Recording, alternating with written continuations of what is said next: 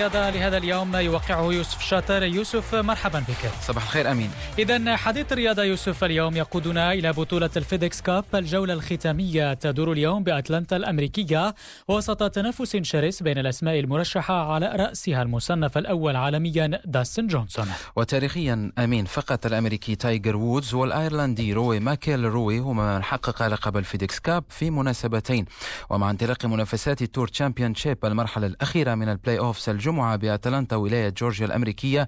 يقف جاستن توماس على أعتاب الانضمام لهذه القائمة الأمريكية الذي توج بلقب عام 2017 ينطلق بسبع ضربات تحت المعدل بفارق ثلاث ضربات عن المتصدر داستن جونسون رائد التصنيف العالمي وضربة واحدة عن صاحب المركز الثاني الإسباني جون رام الذي قدم أداء استثنائيا نهاية الأسبوع الماضي على مسالك أولمبيا فيلدز في بطولة ال BMW Championship الترشيحات وإن كانت تمنح هذا الثلاثي الأفضلية قبل ضربة البداية فإن أسماء أخرى تبحث عن لعب الأدوار الأولى. كالأمريكي اليافع كولين موريكاوا الذي تطور بصفة كبيرة مؤخرا وقد يضايق كثيرا الأسماء المرشحة.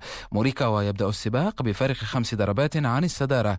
أما آخر الأسماء التي تحظى بالاهتمام الأمريكي ويب سيمسون الذي فضل الغياب عن المرحلة الثانية من أجل التحضير الجيد للجولة الختامية. يشار إلى أن المنافسات تنطلق مساء اليوم على الساعة السادسة بالتوقيت المغربي.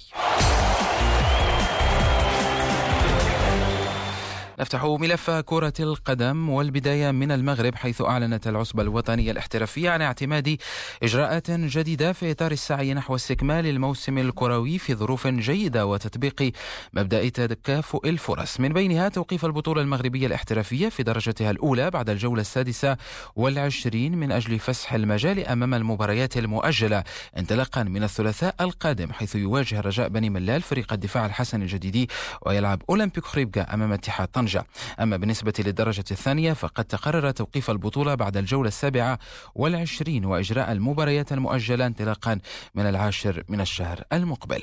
كرة القدم الأوروبية الآن والبداية بالحديث عن مسابقة دوري الأمم الأوروبي حيث تعادل منتخب إسبانيا مع نظيره الألماني بهدف لمثلها الخميس في إطار الجولة الأولى من المجموعة الرابعة في المستوى الأول.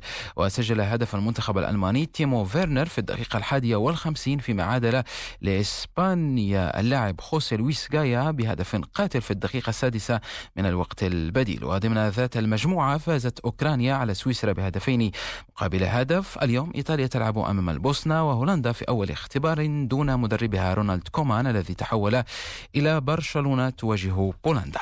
في فرنسا أعلن نادي باريس سان جيرمان الخميس عن إصابة ثلاثة لاعبين آخرين من النادي بفيروس كورونا ما يرفع عدد المصابين إلى ستة. وكان النادي قد أعلن خلال اليومين الماضيين إصابة كل من النجم البرازيلي نيمار جونيور والأرجنتينيين أنخيل دي ماريا وليوناردو باريدس فيما لم يكشف عن أسماء اللاعبين المصابين الجدد الثلاثة. وتأتي هذه التطورات لتزيد من صعوبات الفريق فطبقا للقواعد المتبعة في الدوري الفرنسي. لا يمكن إجراء التدريبات الجماعية في حالة إصابة ثلاثة أو أكثر من اللاعبين أو العاملين خلال ثمانية أيام. في رياضة ألعاب القوى ثلاث دقائق وأربع وثلاثون ثانية وواحد وخمسون جزءا بالمئة. التوقيت الشخصي الجديد للبطل المغربي سفيان البقالي في سباق الثلاث ألاف متر. موانع العداء المغربي نجح في تحطيم رقمه الشخصي بعد فوزه أمس بملتقى مارسيليا محطما رقمه القديم بما يقرب من 11 ثانية ونختم بالحديث عن كرة المضرب وبطولة أمريكا المفتوحة. قبل قليل الشاب الكندي فيليكس ألياسيم آخر الواصلين إلى الدور الثالث بعد فوزه على بطل هذه البطولة عام 2012 البريطاني أندي موراي بثلاث مجموعات دون مقابل. من جهته المصنف الثالث في البطولة الروسي دانيال ميدفيديف يواصل مشواره بعد فوزه السهل على الأسترالي كريستوفر أوكونيل بثلاث مجموعات نظيفة.